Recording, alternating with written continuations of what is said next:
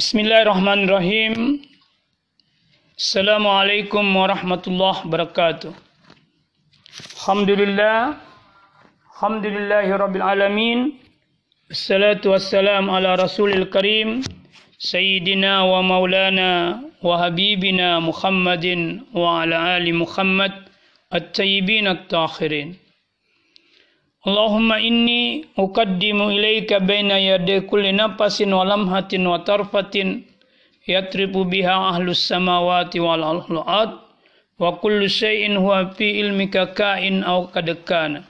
Wa uqaddimu ilaika baina yaday zalika kulli. Alhamdulillah pada kesempatan hari ini kita akan melanjutkan pembahasan kita tentang manusia dalam pandangan Islam. Insya Allah pada kesempatan ini kita akan membahas tentang manusia setan versus manusia sejati. Ini pembahasan puncak dari pembahasan manusia eh, sebelumnya. Jadi beberapa pembahasan manusia sebelumnya itu nanti ujungnya pada dua ujung. Yang pertama, ujung manusia setan, dan yang kedua, ujung manusia sejati. Dua ujung ini kontraproduktif atau berlawanan.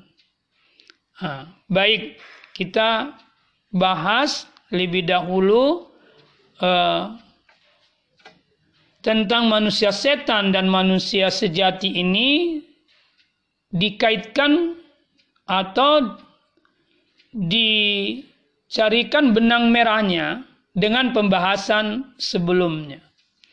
Seperti sebelumnya kita telah bahas misalnya dalam pembahasan tentang unsur penciptaan manusia, yakni di mana manusia itu terdiri dari unsur rohani dan unsur jasmani. Dan dulu kita sudah jelaskan bahwa yang dominan atau yang menjadi sisi kemanusiaan manusia itu adalah unsur rohaninya. Nah, dari sini kita bisa berkata bahwa manusia yang menenggelamkan diri pada unsur rohaninya, dia fokus pada unsur rohaninya tanpa mengabaikan unsur jasmaninya, maka dia akan jadi manusia sejati. Sebaliknya, manusia yang fokus pada jasmaninya, fokus memenuhi kebutuhan sandang pangan papannya dan seksnya, serta fokus pada wilayah kehewanannya, karena sandang pangan papan dan seks itu adalah wilayah kebutuhan kehewanan manusia. Dikatakan demikian karena hewan dan manusia sama-sama membutuhkan kebutuhan yang saya sebutkan tadi. Orang yang fokus pada wilayah jasmani dan kebutuhan biologis reproduksi ini itu adalah akan menjadi manusia setan. Itu.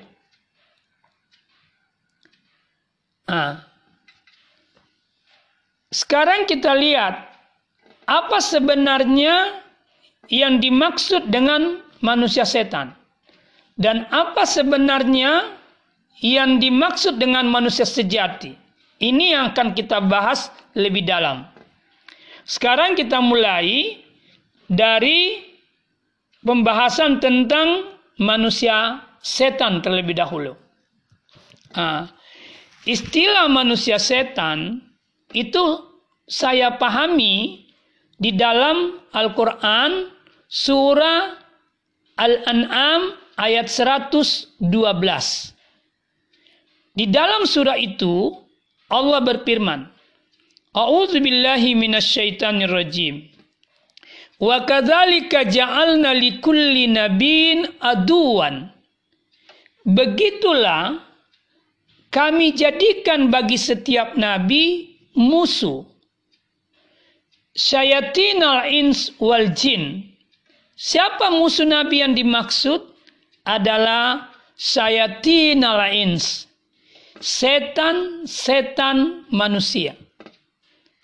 Nah, dari kata prase sayatinal ins inilah itu muncul apa yang disebut dengan manusia setan.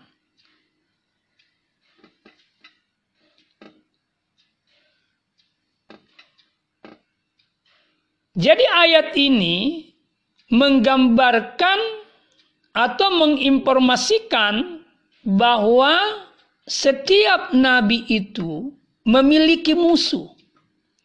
Dan musuh nabi itulah yang disebut dengan setan manusia dan setan jin. Tapi kita bicara setan manusia gitu ya. Untuk bisa memahami apa yang dimaksud dengan manusia setan atau setan manusia, maka terlebih dahulu kita harus paham apa makna kata setan.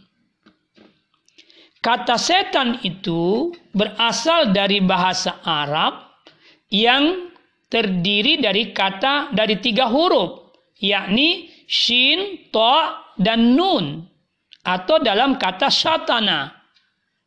Satana menunjuk makna ba'idun minar rahma, jauh dari kebajikan, jauh dari rahmat Tuhan. Nah, kalau kita lihat dari sisi bentuk kata dari kata syaitan, yakni ada tambahan nun, ada tambahan alif dan nun dari kata syait satana tadi. Jadi syaitan itu ada tambahan alif dan nun di belakangnya yang dalam bahasa Arab eh, setimbang dengan kata fa'lan.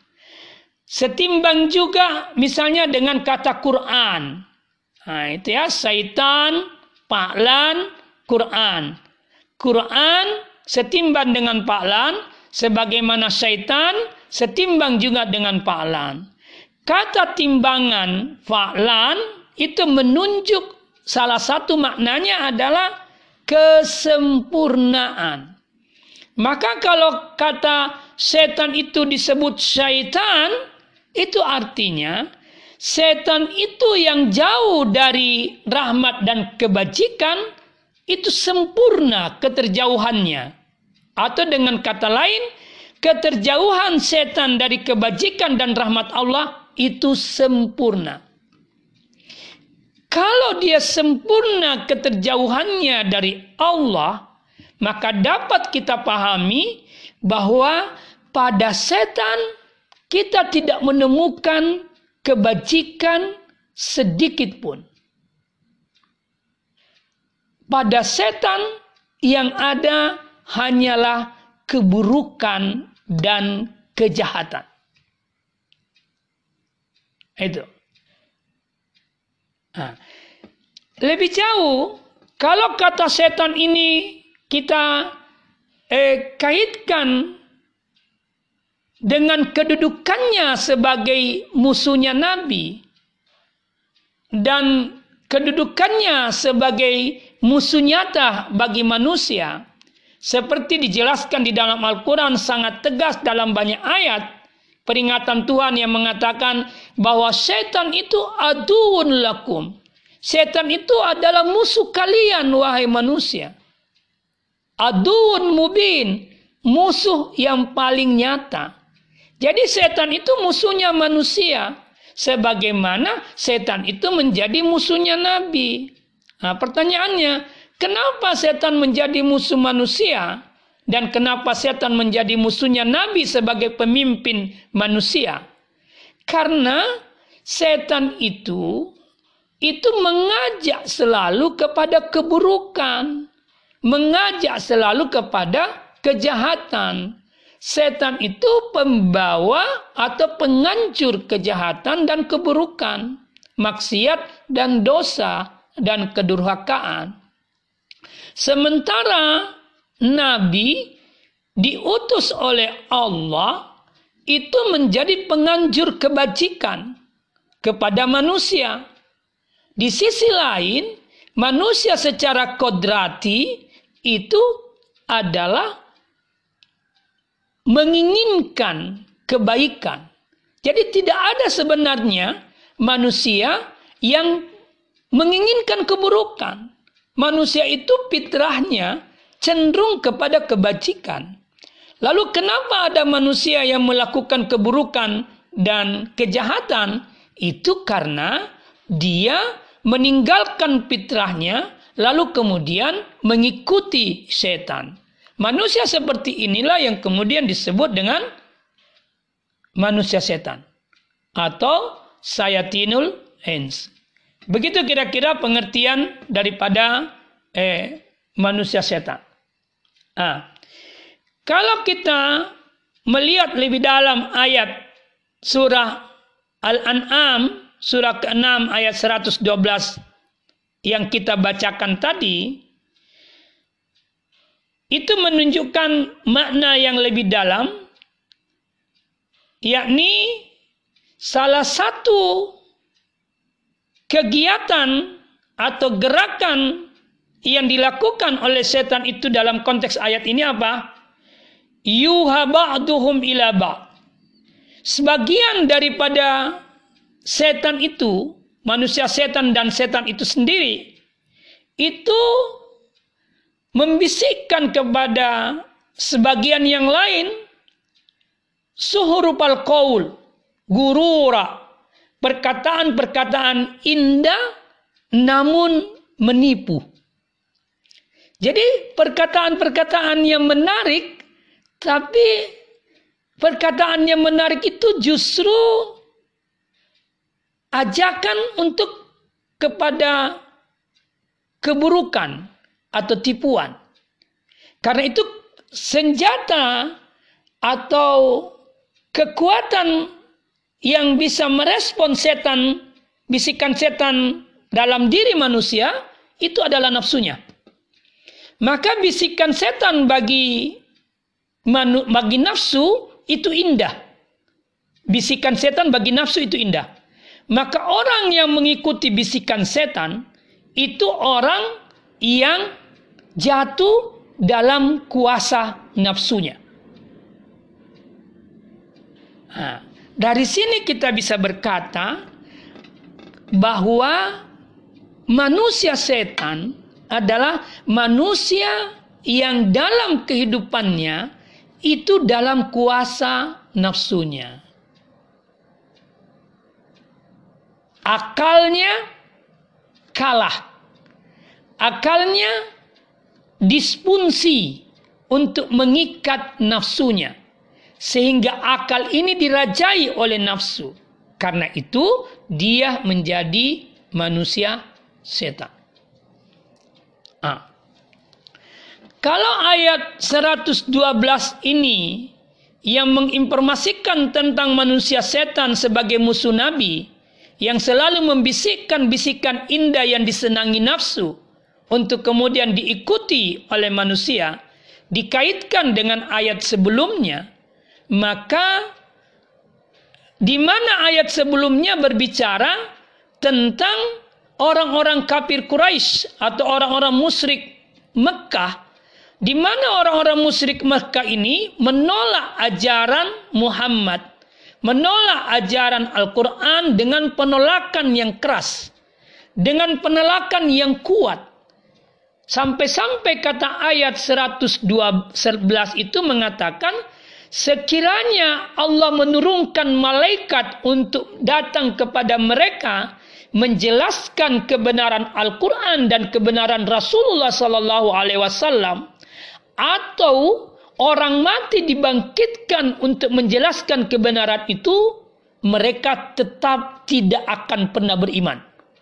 Saking kerasnya penolakan mereka terhadap Al-Quran, pengingkaran mereka terhadap Al-Quran, dan pengingkaran mereka kepada Nabiullah Muhammad Sallallahu Alaihi Wasallam. Nah, kalau ayat ini dikaitkan dengan kandungan ayat 111 yang saya katakan tadi, yang memusuhi Nabi, maka kita bisa berkata bahwa manusia setan itu dalam konteks ayat ini mereka yang menolak Al-Quran dan mereka yang menolak Muhammad Sallallahu Alaihi Wasallam mengingkari dan membenci Al-Quran dan membenci Muhammad Sallallahu Alaihi Wasallam yakni kaum kafir Quraisy Makkah. Nah, dari sini kita bisa berkesimpulan sementara bahwa eh, yang dimaksud manusia setan itu pada hakikatnya mereka yang menolak Al-Quran. Mereka yang mengingkari Al-Quran. Mereka yang mengabaikan Al-Quran. Pemahaman ini, pemahaman ini itu lebih jelas kalau dikaitkan dengan kandungan ayat surah Al-Furqan. Surah ke-25 ayat 30 sampai 31. Nah, di dalam ayat itu Allah berfirman, "Wa qala rasulu berkatalah Rasul sallallahu alaihi wasallam, "Ya Rabbi, inna qaumi ittakhadhu hadzal Qur'ana mahjura." Wahai Tuhanku, sesungguhnya kaumku ittahadu hadzal Qur'ana mahjura. Telah menjadikan Quran ini mahjur diabaikan ditinggalkan dicuekin. Dalam bahasa praktisnya gitu ya. Ha. jadi Nabi mengadu kepada Allah saya ulang Nabi mengadu kepada Allah tentang kaumnya atau umatnya yang menolak Al-Quran, yang membenci Al-Quran, yang mengabaikan Al-Quran. Lalu apa jawaban Tuhan? Di dalam ayat 31 Allah berkata dengan tegas dia katakan sama kandungannya dengan ayat 120 12 surah Al-An'am tadi. Yakni wa ja'alna likulli nabiyyin aduwan Begitulah Muhammad aku jadikan bagi setiap nabi musuh. Sama dengan ayat 112 itu. Tapi ujungnya kata setelah kata ad, eh, aduan itu beda. Di sini disebut minal mujrimin. Kalau di ayat 112 surah 6 disebut sayatinil ins. Jadi begitulah aku jadikan bagi setiap nabi musuh. Siapa dia? Di dalam ayat 100, 100 12 disebut manusia setan. Di dalam ayat 31 sudah 25 Al-Furqan disebut kelompok pendosa atau al-mujrimin. Nah, jadi kita bisa berkata kalau dua ayat ini dihubungkan eh, maka dia saling menjelaskan. Musuhnya Nabi itu manusia setan. Siapa manusia setan itu uh, minal mujrimin, kelompok pendosa. Kenapa dia disebut kelompok pendosa? Karena dia menolak Al-Quran. Karena dia mengabaikan Al-Quran. Karena dia meninggalkan Al-Quran. Jadi eh, kita bisa tegaskan bahwa orang yang meninggalkan, menolak dan mengabaikan Al-Quran itu nanti akan menjadi kelompok pendosa karena dia sunyi dari petunjuk-petunjuk Al-Quran. Karena dia menjadi kelompok pendosa, dia dalam kejahatan, maka dia disebut manusia setan.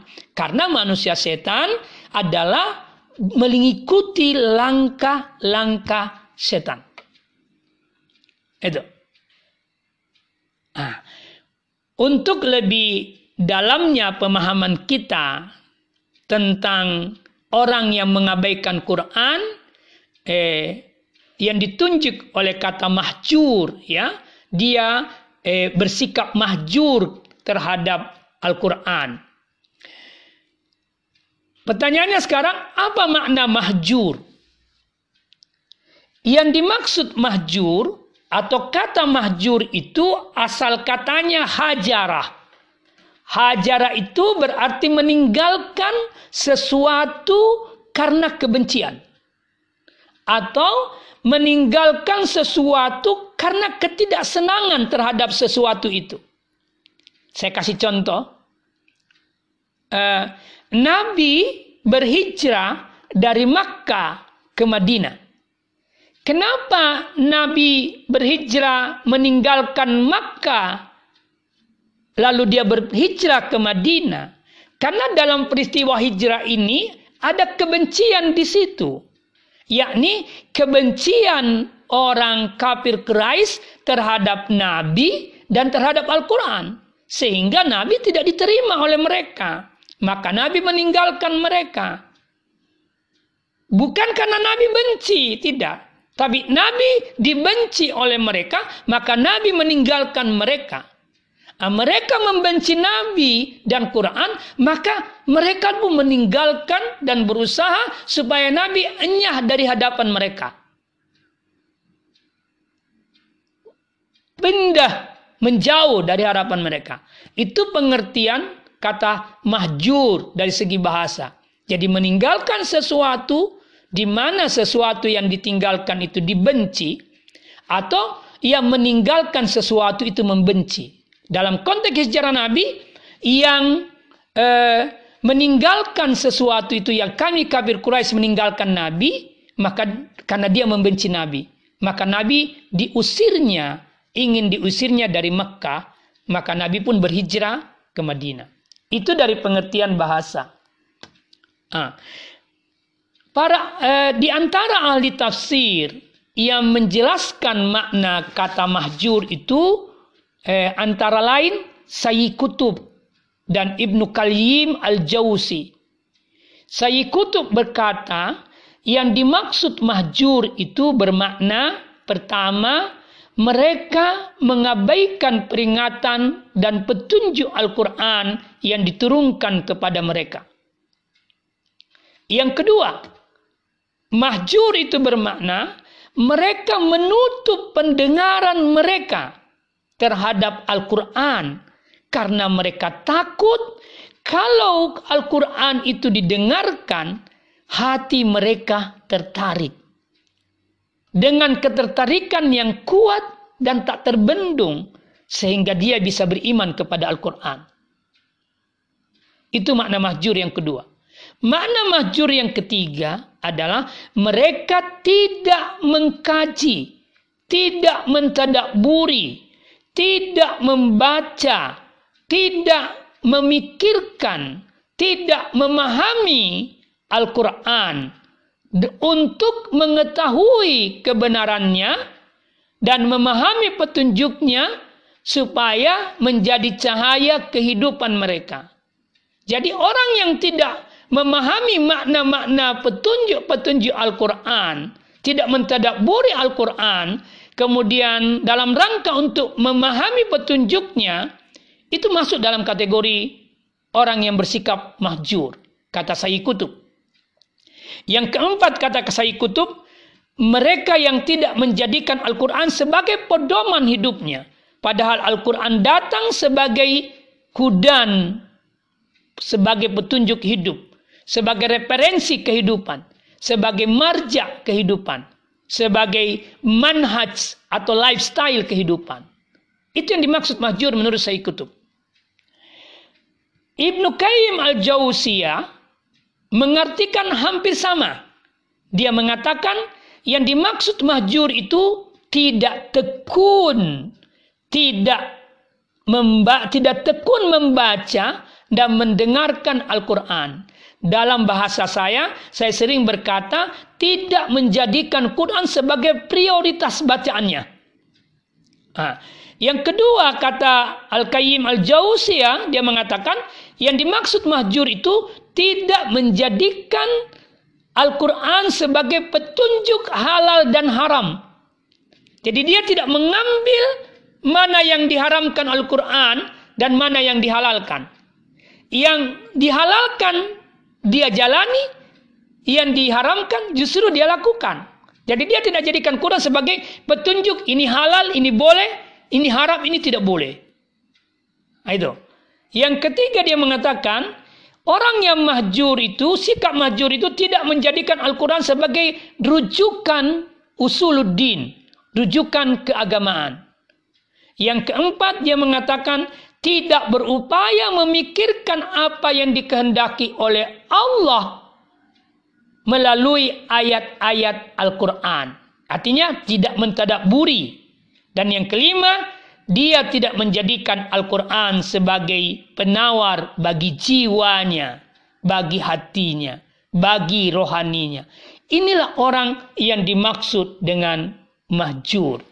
Jadi kita bisa berkata sesungguhnya hakikat dari makna mahjur itu adalah meninggalkan Al-Quran sebagai pedoman hidup dan kehidupannya.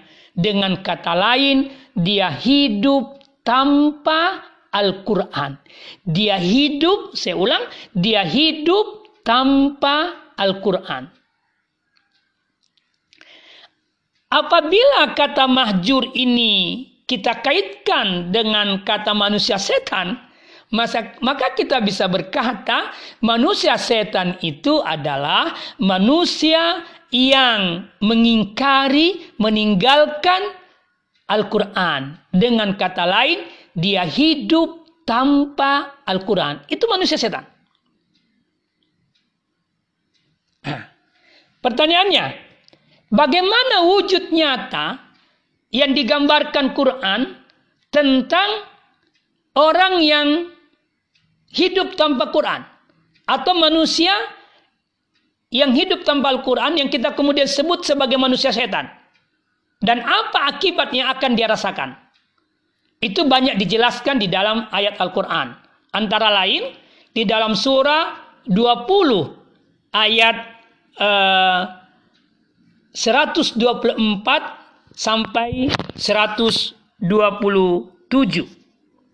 Di dalam ayat itu Allah berfirman, A'udzubillahi minasyaitonirrajim.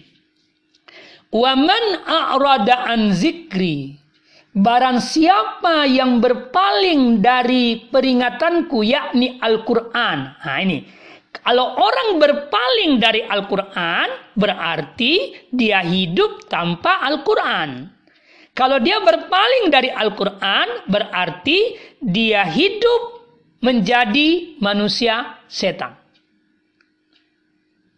Apa akibatnya? Kata Al-Quran, Fa'inna lahu dangka. Orang yang hidup tanpa Quran atau berpaling dari Al-Quran dan menjadi manusia setan, lahu ma'isyatan dangka maka dia akan hidup di dunia ini dalam kehidupan yang sangat sempit. Saya ingin menjelaskan secara sederhana yang mana yang dimaksud dengan hidup yang sempit. Hidup yang sempit itu adalah hidup yang dipenuhi dengan keluh kesah. Dia tidak pernah tenang. Hidupnya tidak pernah damai. Semuanya dikeluhkan. Meskipun dia hidup dalam fasilitas kaya. Itu.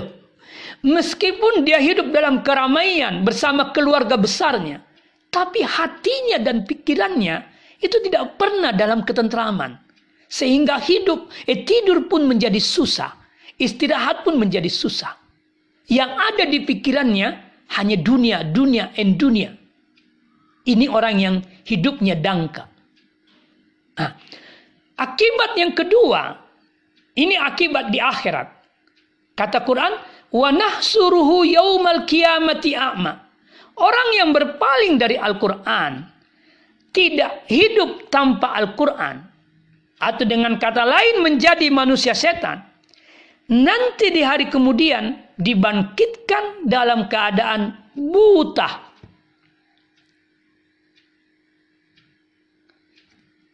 Dia lalu protes pada Allah.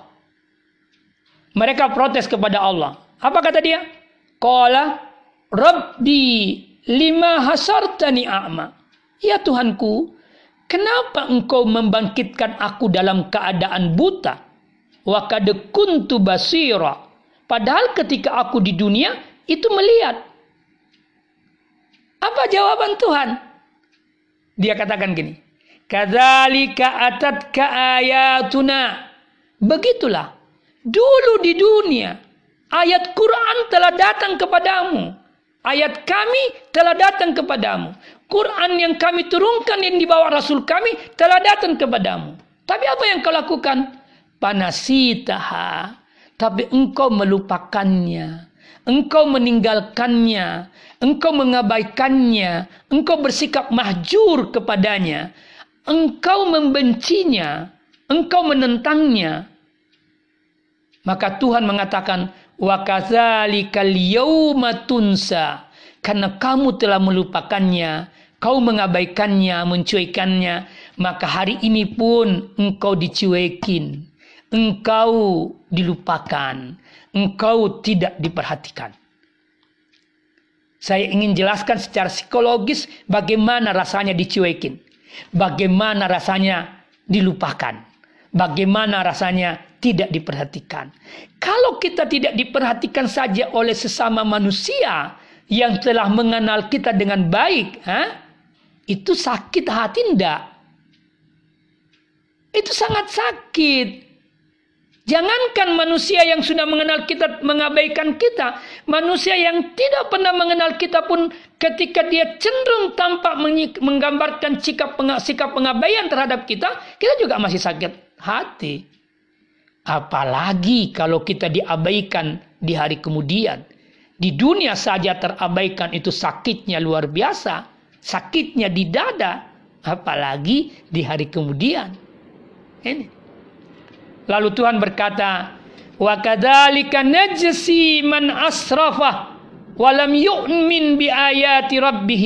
Begitulah kami balas orang yang melampaui batas dan tidak beriman kepada ayat-ayat Tuhan. Artinya apa? Orang yang hidup dalam kelompok manusia setan yang hidup tanpa Quran itu disebut orang yang melampaui batas. Dan orang seperti ini tidak akan pernah mendapatkan kebahagiaan di akhirat kecuali apa?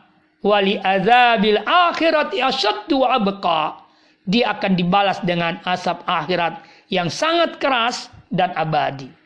Itu pemahaman pertama atau eh, makna yang lebih konkret daripada manusia setan yang hidup tanpa Al-Quran. Yang kedua, manusia setan yang hidup di dunia tanpa Al-Quran itu adalah manusia yang hidup dalam kerugian. Quran menegaskan eh, dia katakan walladzina kafaru bi ayatillahi ulaika humul khasirun. Orang-orang yang ingkar kepada ayat-ayat Allah ulaika humul khasirun. Mereka itulah orang-orang yang merugi. Ah, Allah mengingatkan kita agar kita tidak melakukan pengingkaran dan pendustaan kepada Al-Quran. Supaya kita tidak merugi. Dalam ayat surah Yunus ayat 95, Allah menegaskan dengan penegasan yang luar biasa kuatnya. Apa dia katakan Allah? Auzubillahi minasyaitonirrajim dia mengatakan wala takunanna minal ladzina kazzabu biayatillah. Janganlah kalian wala takunanna janganlah kalian menjadi orang atau golongan kelompok orang yang mendustakan ayat-ayat Allah. Kenapa? Fatakunu minal khasirin. Maka engkau pasti menjadi golongan yang merugi. Yang mana yang dimaksud orang yang merugi? Orang yang hidupnya tanpa iman. Orang yang hidupnya tanpa amal soleh. Orang yang hidupnya tidak saling menasehati dalam kesabaran. Dan tidak saling menasehati dalam kebenaran. Seperti dikatakan dalam surah Al-Asr. Wal asri demi masa. Innal insana lafi khusr. Sesungguhnya manusia itu benar-benar dalam kerugian. Kapan dia dalam kerugian manusia itu? Ketika dia tidak punya iman, ketika dia tidak punya amal soleh ketika dia tidak bertawasau bil haq wa tawasau. Saling menasehati untuk tetap kokoh berdiri pada kebenaran dan untuk memiliki sikap sabar dalam menjalankan kebenaran. Hanya orang-orang yang punya iman, hanya orang-orang yang beramal soleh, yang tetap kokoh berdiri dalam kebenaran agama, lalu dia sabar memperjuangkan kebenaran agama, maka dia tidak merugi. Artinya apa? Intinya kerugian itu karena hidup tanpa Quran. Dan hidup tanpa Quran itu sama dengan menjadi manusia setan. Selanjutnya, manusia setan itu, yakni manusia yang hidup tanpa Al-Quran, itu adalah dalam pandangan Al-Quran manusia yang paling zalim, manusia yang hidup dalam kegelapan, dan dia menjadi pendosa yang sangat besar. Pendosa. Quran mengatakan dalam surah As-Sajdah ayat 22, Allah berfirman, "Wa man adlamu mimman sukkira bi ayati rabbih summa a'rada anha." Tidak ada yang paling zalim. Nah, tidak ada yang paling berada dalam kegelapan hidup kecuali orang-orang yang telah diingatkan terhadap Al-Quran. Quran sudah datang kepadanya, dibacakan untuknya, tapi apa? A'radah anha.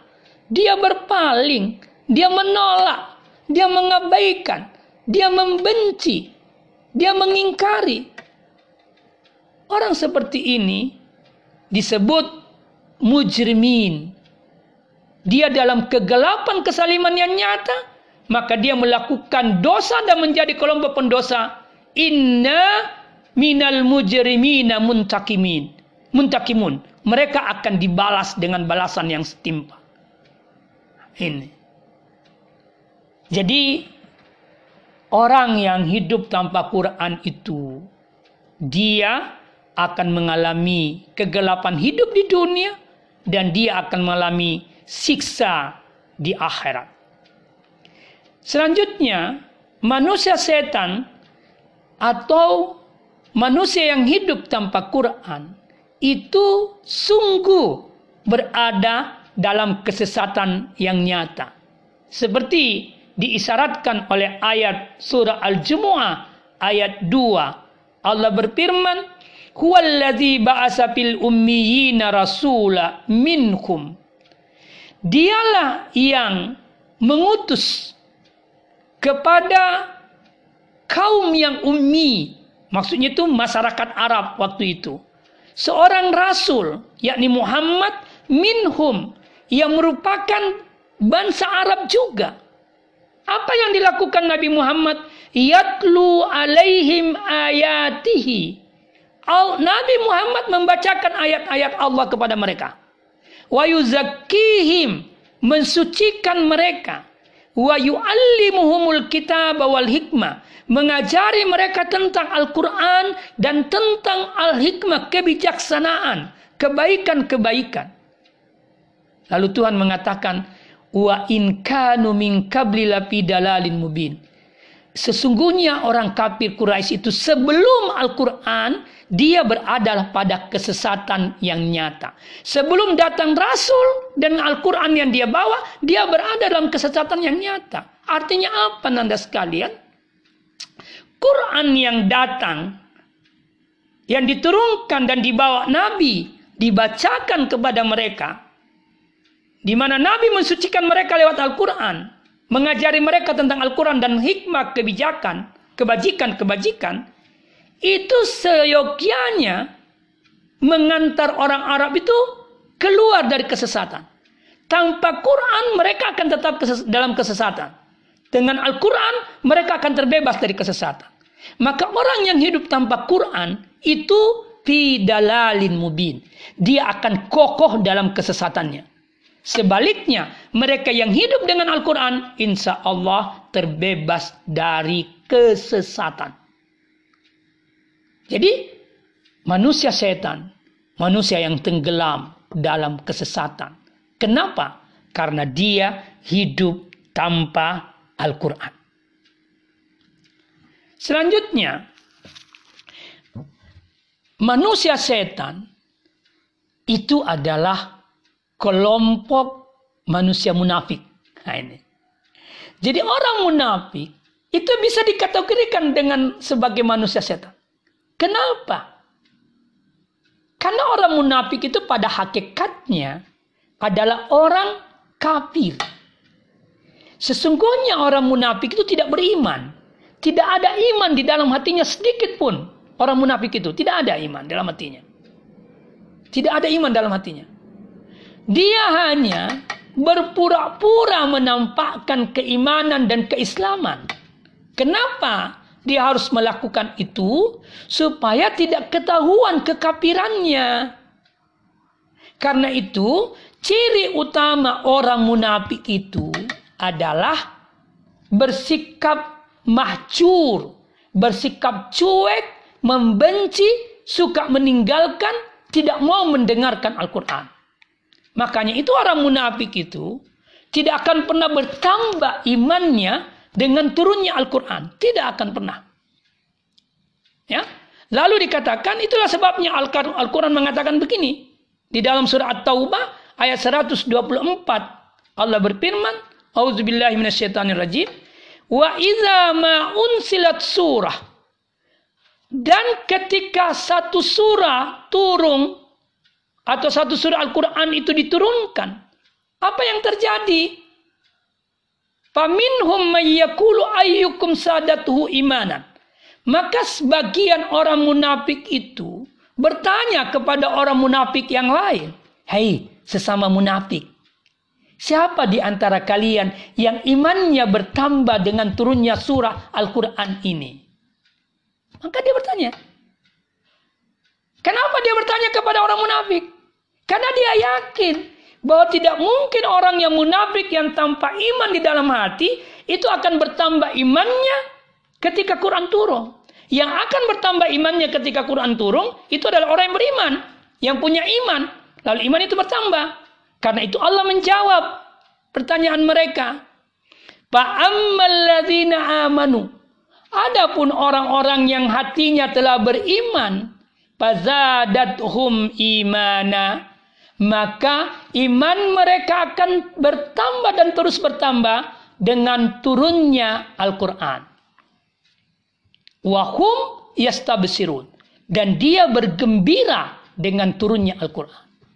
Nah, dari sini kita bisa paham bahwa orang yang munafik itu tidak akan pernah bergembira dengan turunnya Al-Quran. Tidak akan pernah bahagia dengan turunnya Al-Quran. Sebaliknya orang beriman, dia akan gembira. Bahkan imannya terus bertambah. Sementara orang munafik, dengan turunnya Al-Quran, mereka semakin munafik saja. Penyakit hatinya terus bertambah, terus bertambah sampai betul-betul tak mampu lagi dia keluar dari penyakit hati itu. Nah, sekarang pertanyaannya, Quran ini mengatakan, ayat ini mengatakan ketika Quran turun. Sekarang Quran kan sudah tidak turun. Maka makna ayat ini kita bisa artikan bahwa eh, ciri orang munafik dalam zaman modern ini adalah ketika Quran itu dibicarakan, ketika Quran itu dikaji, ketika Quran itu eh, ditadaburi, apa yang mereka lakukan? Orang-orang munafik modern itu dia akan menghalang-halangi kegiatan seperti itu. Dia membenci kegiatan seperti itu. Nih. Dia akan mengejek kegiatan seperti itu. Dia akan mengatakan itu kegiatan tidak ada guna. Nih. Lebih tegas lagi di dalam 127 surah At-Taubah ayat 127. Kalimatnya hampir sama. A'udzubillahi minasyaitonirrajim. Wa idza ma unsilat surah. Kalau surah itu turun. Nazara ba'duhum ila ba'. Maka sebagian orang munafik itu melihat sebagian yang lain. Baku lihat. Lalu Hal yarakum min ahad. Lalu orang munafik itu berkata, adakah orang beriman yang melihatmu? Karena kesimpulannya tidak ada. Apa yang dia lakukan? Summan sarafu. maka dia tinggalkan tempat di mana Quran itu dibicarakan, di mana ayat itu turun. Apa akibat dari perilaku dan sikap mereka meninggalkan kajian-kajian Quran dalam bahasa kita sekarang? Sarafallahu kulubahu. Allah pun mengangkat punsi-punsi hatinya. Hatinya dispunsi. Dia kehilangan punsi-punsi hati untuk menerima kebenaran bi annahum qaumun la yafqahun. Orang munafik melakukan semua itu karena dia tidak paham Al-Qur'an.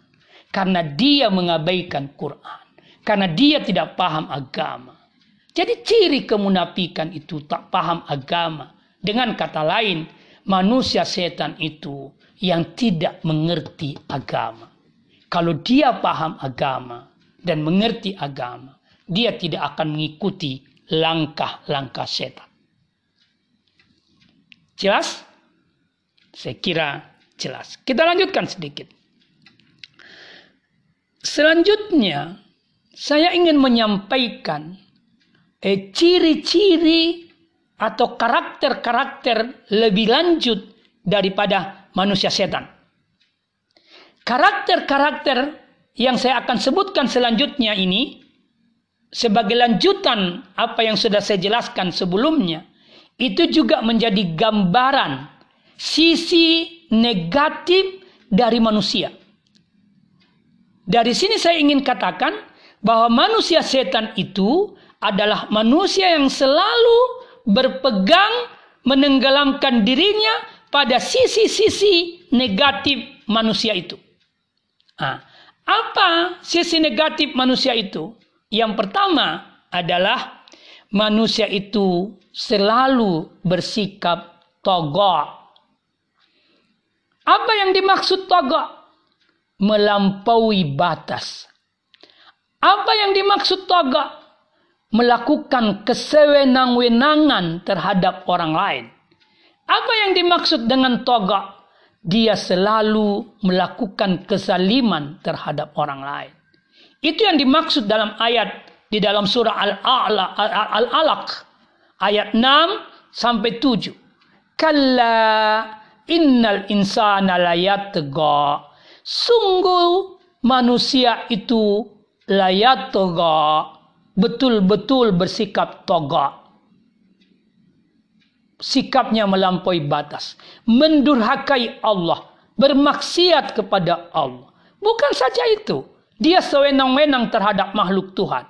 Dia berbuat kezaliman terhadap makhluk dan sebagainya. Kenapa itu dia lakukan? Ar stagna. Karena dia merasa dirinya serba bisa.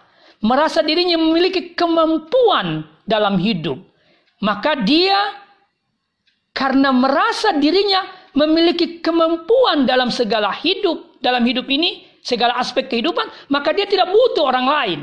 Dia merasa dibutuhkan oleh orang lain dan dia tidak butuh dengan orang lain. Maka dia takwa.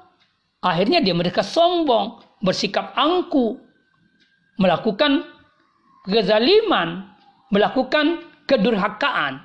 Ini sikap ciri yang pertama atau sifat yang pertama dari manusia setan atau yang merupakan sisi negatif dari manusia itu sendiri. Atau yang saya maksud sisi negatif itu eh, manusia bisa jatuh dalam sisi negatif ini. Ada kemungkinan dia bisa jatuh kalau tidak hidup dengan Al-Quran. Yang kedua, kata Al-Quran, eh, manusia setan itu adalah manusia yang bersifat kunud kepada Allah. Di dalam ayat surah Al-Adiyat dijelaskan innal insana lirabbihi lakanud. Sesungguhnya manusia itu sangat ingkar, tidak berterima kasih kepada Tuhannya. Nah ini. Jadi sikap manusia setan itu lakanud. Dia selalu durhaka kepada Tuhan. Dia tidak pandai mensyukuri nikmat. Padahal dia hidup dari rezeki yang Tuhan berikan. Coba tunjukkan kepada saya rezeki apa yang Anda miliki yang bukan berasal dari Allah. Nah, ini. Makanya wajar kalau Quran itu selalu memerintahkan uzkuru ni'matallahi alaikum. Ingat-ingat nikmat Allah kepada kalian. Ingat itu. Coba bandingkan nikmatmu dengan nikmat Allah yang kau terima dengan ketaatanmu kepada Allah. Sebanding tidak. Bagi manusia setan, dia tidak akan pernah mengingat nikmat itu. Dia akan. Karena dia tidak pernah mengingat nikmat itu. Dia merasa nikmat itu adalah miliknya. Maka dia gunakan dalam kemaksiatan. Dia gunakan dalam kedurhakaan. Dia ingin miliki sendiri. Dia ingin nikmati sendiri. Dia tidak ingin bagi alias kikir. Dan itu isyarat bahwa dia tidak pandai mensyukuri nikmat Tuhan. Ini sikap yang kedua dan merupakan sisi negatif yang harus ditinggalkan oleh manusia. Yang ketiga, orang yang Manusia setan itu selalu ingkar nikmat. Dalam Al-Quran disebutkan uh, innal insana lakafurun mubin. Sesungguhnya manusia itu benar-benar ingkar nikmat. Seperti saya jelaskan tadi. Selanjutnya yang keempat adalah manusia setan itu adalah manusia yang berkarakter sangat zalim. Dalam Al-Quran disebut innal insana lazalumun kafur. Sesungguhnya manusia itu sangat zalim dan sekaligus ingkar nikmat. Tadi kita sudah jelaskan, orang yang hidup tanpa Al-Quran, dia hidup dalam kegelapan. Dia hidup dalam kezaliman. Karena itu sekali lagi, karakter dan sikap sisi buruk yang manusia setan itu dia tenggelam dalam gerakan kesaliman. Yang kelima, manusia setan itu adalah manusia yang berada dalam kebodohan. Innal insana kana zaluman inna eh, al insan innahu kana zaluman jahula Sesungguhnya manusia itu amat zalim lagi amat bodoh. Nah, saya ingin mempertegas kalimat bodoh di sini atau kata jahul. Kata Imam Ali, a'asamul masaib al-jahlu. Eh, musibah yang terbesar bagi manusia itu adalah kebodohan. Apa yang dimaksud kebodohan di sini? Bodoh akan agama bodoh akan Al-Quran, bodoh akan sunnah Nabi, dan ketika dia bodoh akan agama, dia bodoh akan Al-Quran, dia bodoh akan sunnah Nabi, maka dia juga bodoh akan Tuhan. Dia tidak akan mengenal Tuhan. Dia tidak akan mengenal Muhammad dan dia tidak akan mengenal Al-Quran. Karena dia tidak mengenal semua itu, maka dia ingkari, dia tolak, dia benci, maka dia jadi setan.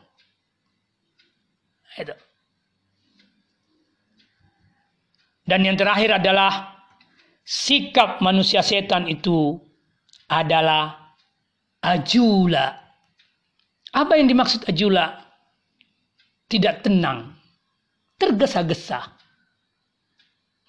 Tapi kalau orang yang hidup dengan Al-Quran, dan hidup dengan ma'rifatul Quran, mengenal Quran, mengenal Rabi dan Rasul, dan mengenal Allah, hidupnya damai. Tenang sekali. Saya kasih contoh. Misalnya gini. Banyak Quran mengatakan, ya kan? Banyak dalam Quran dikatakan, eh, Lillahi ma fis samawati wal ard. Milik Allah apa yang ada di langit dan di bumi. Bahkan kita sering mendengarkan kalimat Inna lillahi wa inna ilaihi rajiun. Kalau ini dipahami bahwa kita ini miliknya Allah dan kita kembali kepada Allah, bahwa dunia ini adalah semuanya miliknya Allah, maka orang ini yang memahami tidak akan sedih kalau dia mengerti dengan baik pemahaman itu. Karena misalnya sesuatu hilang dari dirinya, maka sederhana dia mengatakan kembali kepada yang punya. Maka dia tidak bingung. Tapi orang yang tidak hidup dengan Al-Quran, maka dia akan mengalami kegelisahan dan senantiasa tergesa-gesa dan tidak akan pernah tenang dalam hidupnya. Dia ajula. Yang paling terakhir, orang yang ciri manusia setan terakhir adalah kikirnya luar biasa. Kikir luar biasa. Jadi dia sangat kikir. Luar biasa kikirnya orang itu. Kata Quran, wa kanal insanu kutura. Dan manusia itu sangat kikir. Orang kikir itu biasanya rakus. Manusia setan itu sifat dan karakternya itu seperti itu. Terima kasih. Mudah-mudahan yang saya sampaikan ini memberikan pencerahan kepada Ananda untuk berusaha tidak menjadi golongan manusia setan. Lalu kemudian berusaha secara keras untuk menjadi manusia sejati. Insya Allah manusia sejati kita akan bahas pada eh, pertemuan berikutnya. Terima kasih. Assalamualaikum warahmatullahi wabarakatuh.